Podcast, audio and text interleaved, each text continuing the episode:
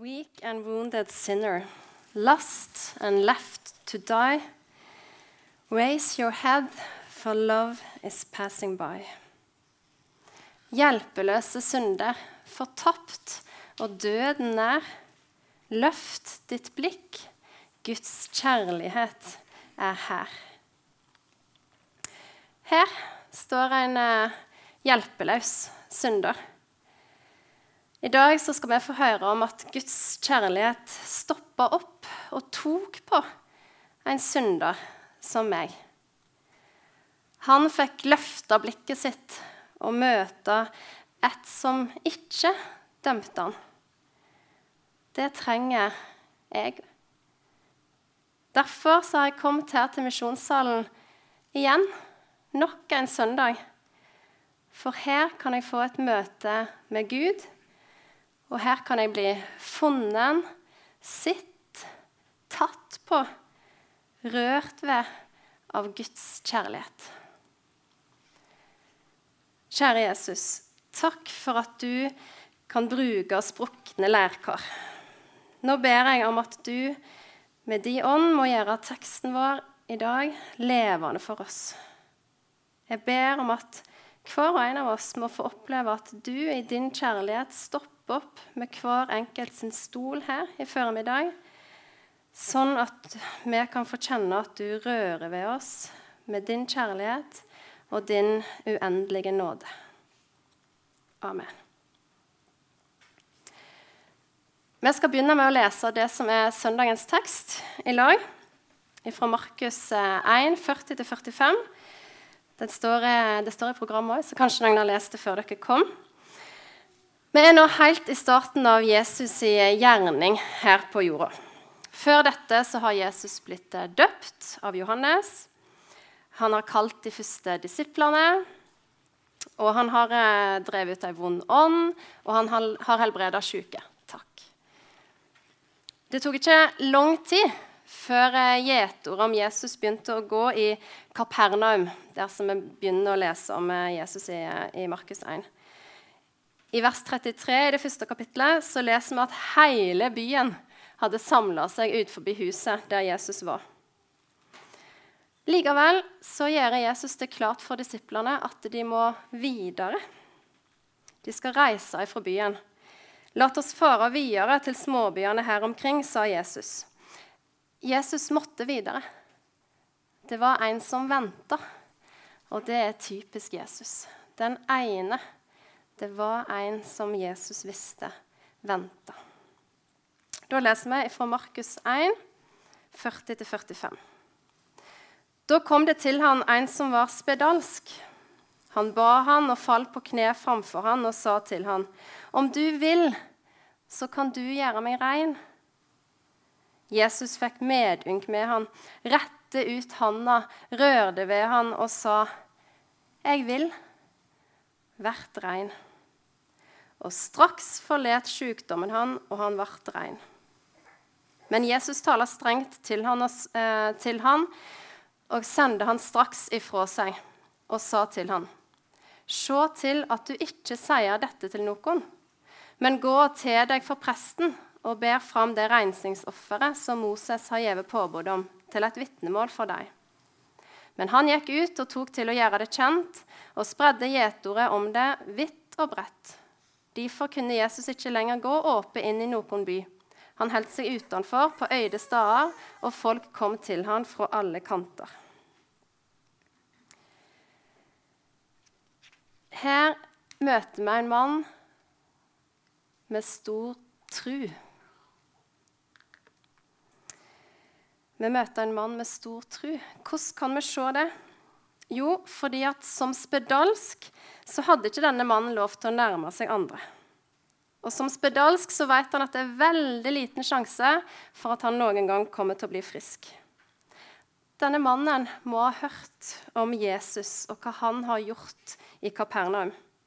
For nå kommer han altså bort til Jesus, og så sier han, 'Om du vil, så kan jeg bli rein'.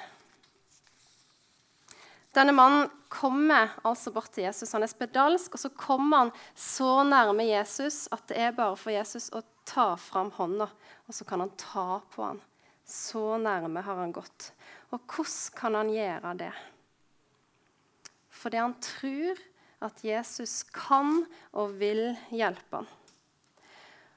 Og På denne måten så viser denne spedalske mannen oss hva det er å tro.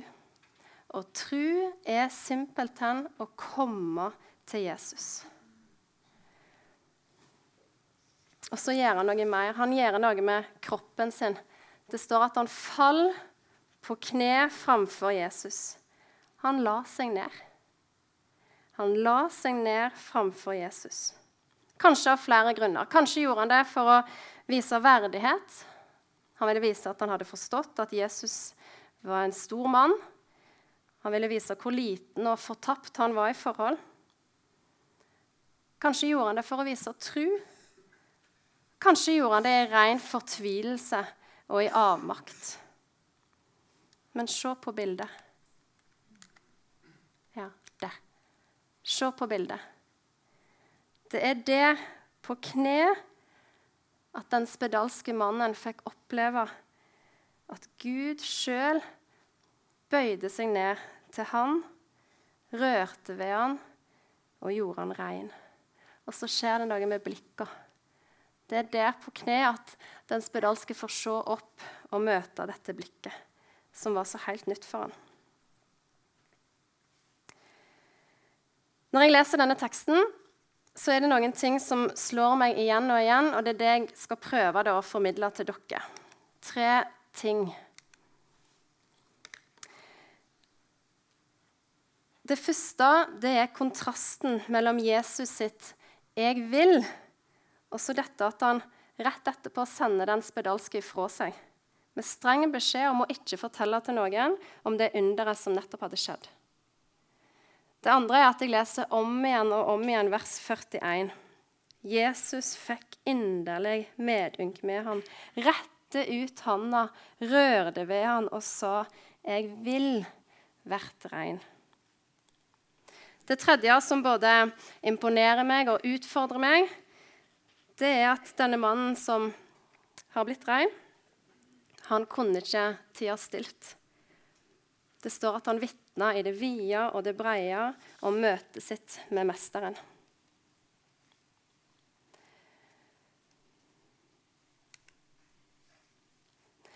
For meg så kan det med første øyekast virke både rart og uforstående at Jesus til å begynne med er varm, han er imøtekommende med denne spedalske mannen, før han rett etterpå viser han ifra seg og nekter han å fortelle noen om det som har skjedd. Men han får beskjed om å gå og vise seg for prestene. Hvorfor gjør Jesus dette? Det var viktig for Jesus å få vise hvem han var, men til rett tid. Folket venta på en eh, forløser, en som kunne fri dem fra okkupasjonsmakta. Og det første de nå hadde fått sett av denne Jesus, det han hadde gjort i Kapernaum, der han gjorde sjuke friske og dreiv ut vonde ånder, det likte de. Det passa bra til det bildet de hadde av han som skulle komme og fri dem. Men det var det jo andre som hadde gjort, både før han og samtidig som Jesus og etterpå. Både i helenistiske og i andre jødiske skrifter så kan vi lese om dette. Og I våre egne apostelgjerningene kan vi lese om Simon som går rundt og helbreder. Gjøre under. Jesus gjorde ikke under for å få oppmerksomhet rundt egen person. Jesus gjorde under for å vise at nå var Guds rike kommet nær. Det var Guds krefter som var i sving. Jesus ville òg vise at han var Guds sønn, men dette måtte han ha tid på. Hvis det ble åpenbart med en gang, så ville de religiøse lederne tatt han og grepet han. Jesus gjorde den spedalske rein fordi han ville. Fordi han hadde inderlig medfølelse med han, leste vi. Faktisk er disse ordene på gresk 'inderlig medkjensle', som det står i min bibel. Det er bare brukt i sammenhenger der Gud og Jesus er subjektet altså den som handler. Det betyr at dette er en type medfølelse som går over menneskelig forstand. Det er bare Gud sjøl som kan ha sånn medfølelse for noen. Og det fikk denne spedalske oppleve. Allikevel så er dette å gjøre den spedalske rein, frisk, og sånn føre han over fra døden til livet, det er bare en liten del av bildet i denne fortellinga. Jesus' si hensikt med underet det er òg å vise at hvem han sjøl er, og vise at han er Gud. Han vil vise at Gud er i han. Med sitt 'bli rein' så viser han til Gud som sa 'bli lys'. Gjennom å gjøre den spedalske rein så viser Jesus at Guds rike er kommet nær. Og Dette er viktig å si og viktig å forstå, for Jesus møtte jo så utrolig mange syke. Og Jesus er ikke kald, han slår det ikke hjerterått ifra seg når han går forbi alle disse. Men han møtte noen på en spesiell måte for å vise Guds under på dem, til et vitnesbyrd for de rundt. Og det ble et vitnesbyrd om det som skulle komme, at en dag vil Gud sjøl gjøre slutt på all sykdom, all smerte og all død. Allikevel så får altså denne spedalske munnkorg. Jesus vil ikke skape noe styr. Han vil ikke få mye oppmerksomhet rundt selve underet. Men han ber mannen om å gå til prestene og vise seg, sånn Moselova gav beskjed om befalte. Og det òg var veldig viktig. Med det så viser Jesus at han er ikke kommet for å oppheve Moseloven, men han er kommet for å oppfylle Moseloven. Og når denne spedalske ville vise seg for prestene, og de fikk se at han var rein, så ville det være et enormt vitne om at Gud sjøl hadde handla. Jesus kom for å oppfylle Moseloven. Det var det bare han som kunne. I Lukas 4, 18-19 så kan vi lese at Jesus han proklamerer sin gjerning her på jorda. Og Da leser han sjøl fra profeten Jesaja. Herrens ande er over meg, for han har salva meg til å forkynne evangeliet for fattige. Han har sendt meg for å forkynne for fanger at de skal få fridom, og for blinde at de skal få syn, for å sette undertrykte fri og rope ut et nådeår fra Herren. Jesus kom for å lege, for å frigjøre og frelse. Hva var det den eh, spedalske mannen var blitt lekt og frigjort og frelst ifra? Forstår vi som lever i dag, hva det ville si å ha spedalsk syke, og være spedalsk på Jesus' i tid. Jeg husker ennå veldig godt en av bøkene som var på eh, pensumlista når jeg gikk på lærerskolen. Vi skulle lese en del eh, skjønnlitteratur, barne- og ungdomslitteratur. Og dette var en ungdomsbok som har fulgt meg siden. I boka 'Dagen om natta' så møter vi Ingebjørg, Ingebjørg og Jakob de er unge og forelska, og de planlegger bryllup og framtid i Norge. I lag for om lag 150 år siden. Men på denne tida så herja òg leprabasillen, denne bakterien som fører til spedalskhet, den herjer òg i Norge. Spesielt på Vestlandet. Vi har Lepramuseum i Bergen, som mange av dere kanskje kjenner til. Og i dagen om natta så klarer denne forfatteren, Berit Vatnevik, på mesterlig vis å skildre hvordan det å bli spedalsk gjorde at en ble utstøtt fra samfunnet, ja, til og med fra sine aller nærmeste. Da denne Jakob helt tilfeldig oppdaga en knute i huda bakpå skuldra til kjæresten Ingebjørg, så er livet de hadde planlagt sammen, over før det hadde begynt. Og fra nå av er Ingebjørg aleine. Tittelen 'Dagen om natta' det vitner om eh, den nye tilværelsen hennes. Bare når de andre sov, kunne hun leve. Og kanskje var det sånn det hadde blitt for den mannen som vi møter i teksten vår.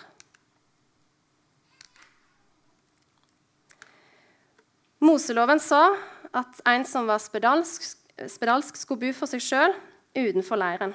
Dette står i 3. Mosebok 13. Til og med inn i døden gjaldt denne isoleringa. En som var spedalsk, skulle ikke legges i ei familiegrav når han døde, men for seg sjøl. Den spedalske hadde sjøl ansvar for å vise at han eller hun var sjuk og, og, smittsom. Dette skulle han gjøre ved å kle seg i fillete klær, og en skulle rope 'urein, urein' hvis noen nærma seg. Hold dere langt vekke fra meg, altså. En som var spedalsk, kunne selvfølgelig ikke komme inn i tempelet eller delta på noen, noen gudstjeneste i synagogen. På mange måter så kan vi si at en som var spedalsk, ble behandla som eh, radioaktiv. Urein, smittsom, farlig. Som en radioaktiv kilde som utstrålte urenhet hvor han eller hun kom. En som var spedalsk, var like urein som et lik. For jødene så var lik veldig ureint. En skulle ikke ha noe med lik å gjøre. Men enda verre for som et levende lik så kunne du jo smitte andre, og med det gjøre andre òg ureine.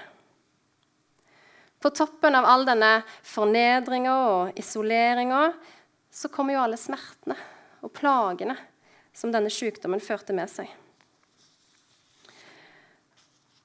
Hvis du var spedalsk, spedalsk, så kunne det ta mellom to og sju år før sykdommen brøt ut.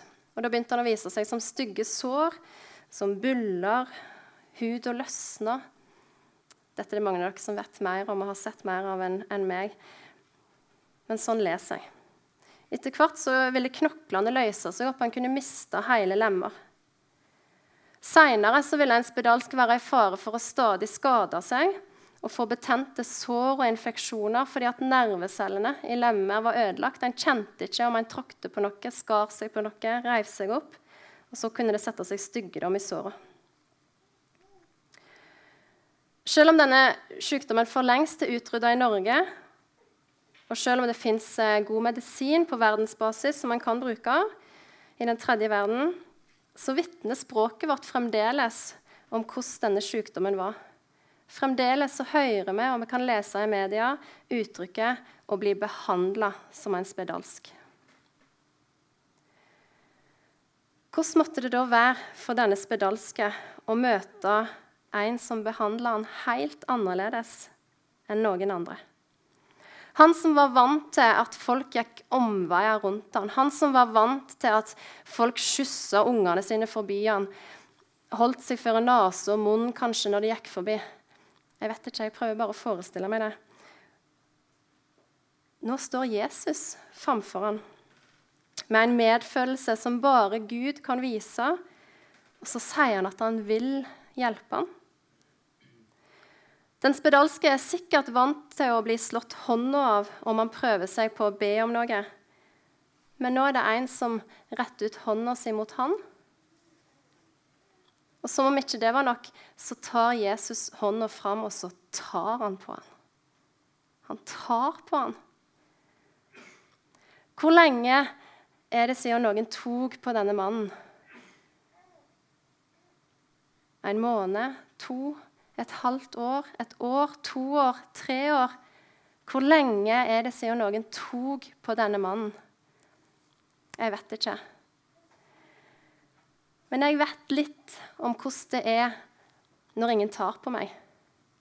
Jeg har kjent på at jeg har lengta etter å få en klem jeg har kjent på at jeg skulle ønske at noen hadde klapt meg over kinnet eller tatt meg på skuldra.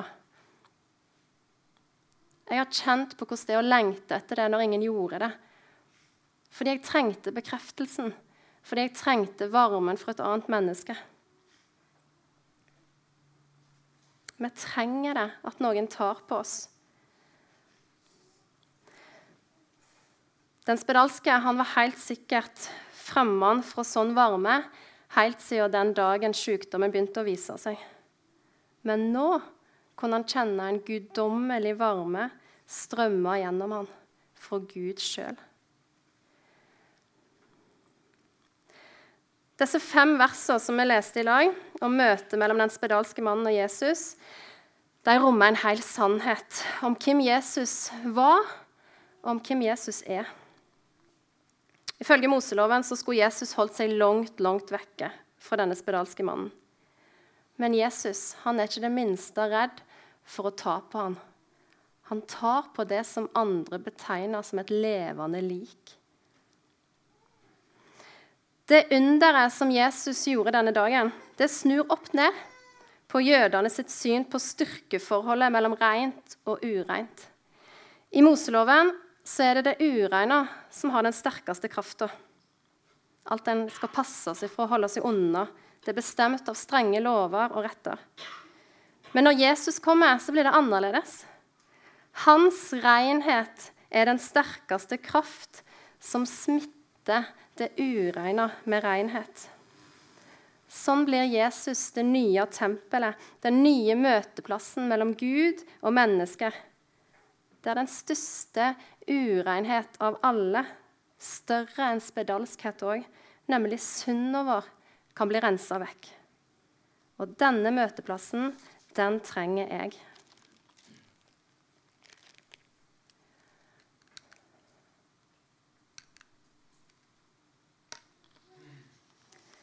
Vær meg nådig, Gud, i di miskunn. Stryk ut mine bråt etter din store godhug. Tvett meg vel så jeg vert fri fra misgjerning, og renser meg fra min synd. For mine brudd kjenner jeg, og min synd står alltid for meg. I Moseloven har det ureine den sterkeste kraft, men når Jesus kommer, blir det annerledes. Hans renhet er den sterkeste kraft som smitter det ureine med renhet. Jesus er den nye møteplassen mellom Gud og oss. Der blir synda rensa vekk. Jeg trenger å få bytta vekk alt det ureine i livet mitt med Jesus sin fullkomne renhet. Det siste jeg ville si noe om i mitt møte med denne teksten, er at det, er at det den spedalske er det at den spedalske som ble rein, han kunne ikke tie stilt om det han hadde opplevd. Jesus ba han strengt om å ikke si til noen. Han skulle ikke si et ord om hva som var skjedd. Allikevel så leste vi at han gikk ut vidt og bredt og vitna. Hvorfor? Fordi han kunne ikke la være. Det han hadde opplevd, det var så stort at han måtte la andre få høre om det. Kanskje var det til og med andre spedalske som kunne få oppleve å bli reine, sånn som han. Mannen var nå blitt fri, men det bandt han til lysta til å vitne om Frelseren. Det han hadde opplevd, fikk konsekvenser for livet hans. Her i misjonssalen så er vi ikke spedalske. Og vi trenger ikke være redde for å bli det.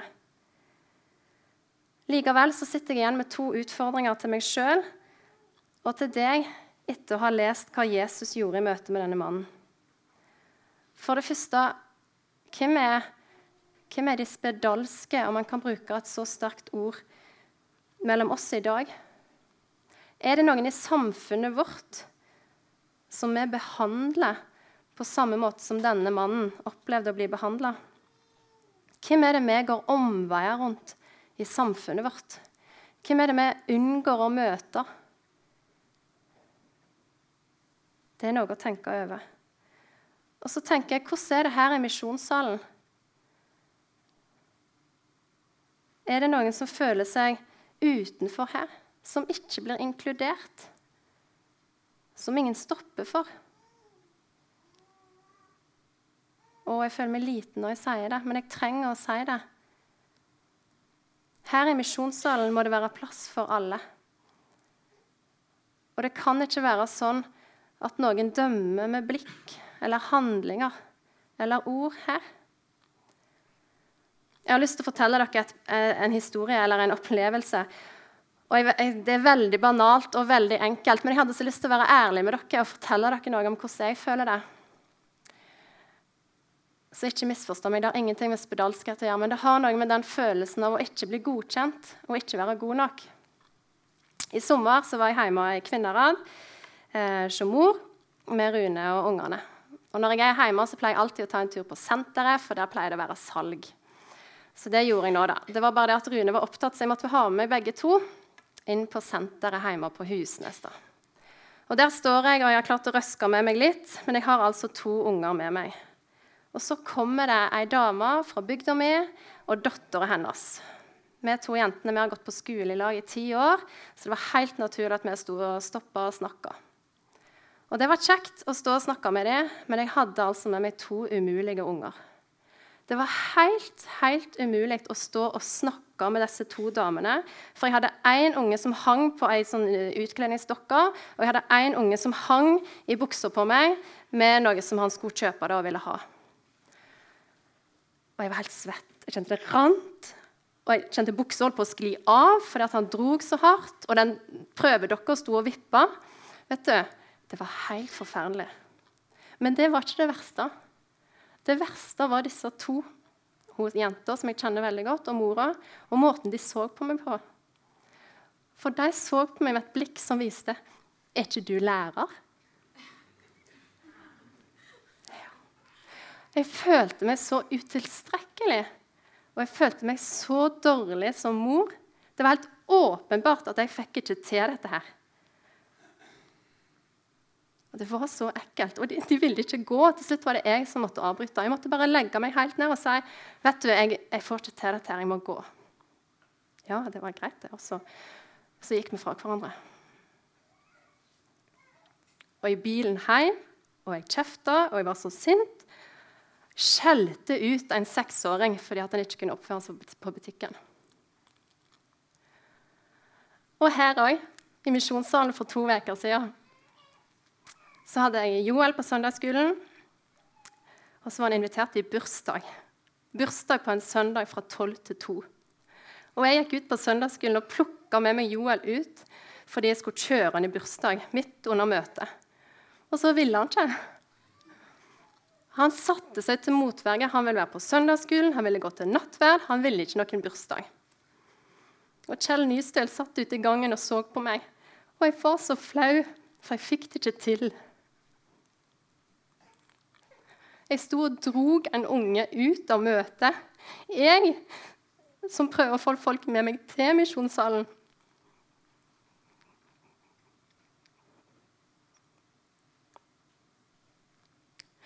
Dette forteller jeg, for jeg har så lyst til å vise at jeg kommer likevel. Jeg er her i dag igjen.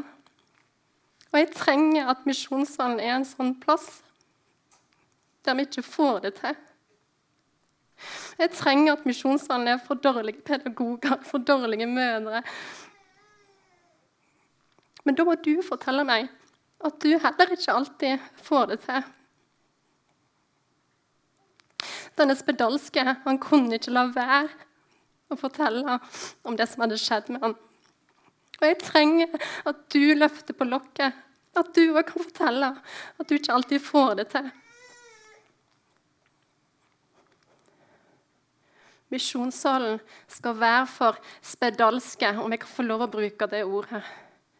Misjonssalen skal være for deg med åpne sår og tydelige bandasjer.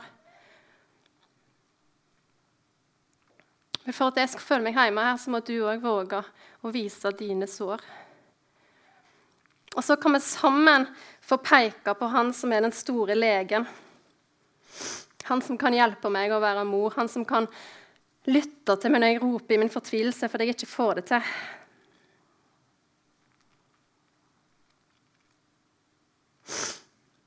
Utfordringene. Inkluder her i misjonssalen og i samfunnet rundt deg. Ikke gå omvei om noen. Og to, fortell om det som du har opplevd. Jeg har lyst, Temaet for møtet var 'Kom til Jesus'. og Med den tittelen hadde jeg lyst til å vitne om at jeg må komme til Jesus. Jeg må komme til Jesus hver dag.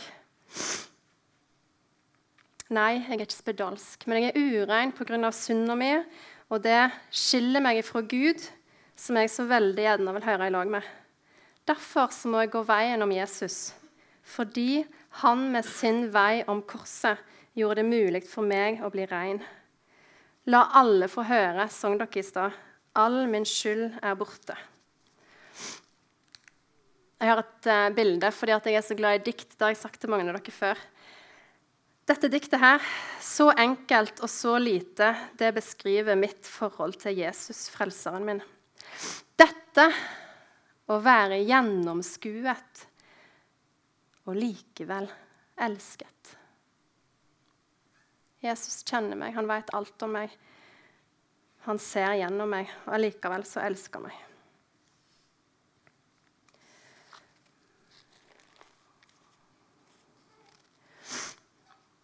Nå skal dere få lytte til en sang. Rune skal synge en, eh, en sang til for dere.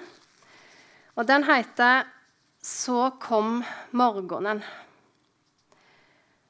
Dagen om natta det ble løsninga for Ingebjørg, som var spedalsk.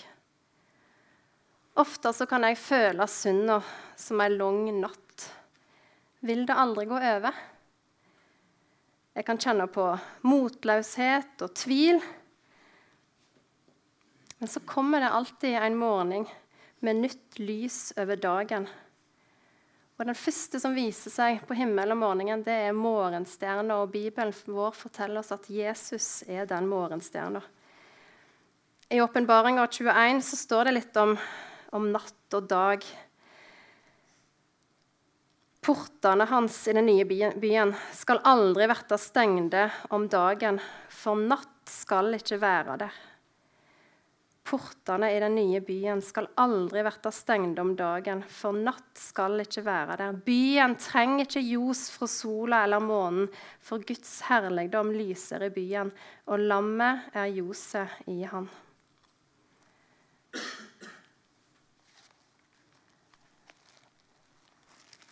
Selv om alt er mørkt rundt deg, og det ser ut som det er natt, så kommer det en dag, en morgen. Og om du ikke kjenner at du får oppleve det her på jord, så vil det en dag være en morgen som åpenbarer seg.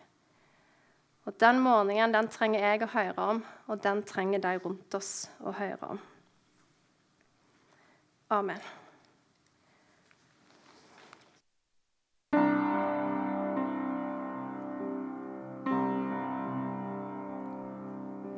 I vantru deg for, heilt uten et ord. De savna sin kjæreste venn. Han lova dei alt, men nå har han falt, og spørjande stod dei igjen. Den draumen dei fikk var heilt visna vekk nå etter at han forsvant. Fra festdekka bord til tårner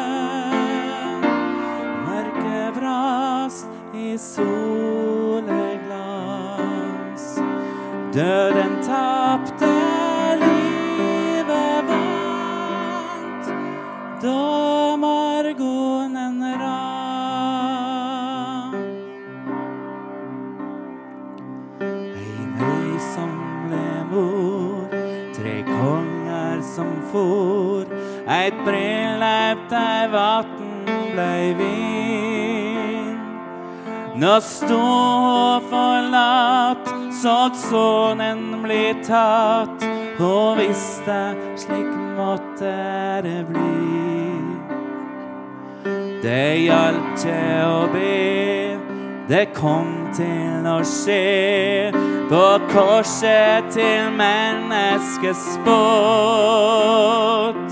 Men trass i sin ved så visste hun det.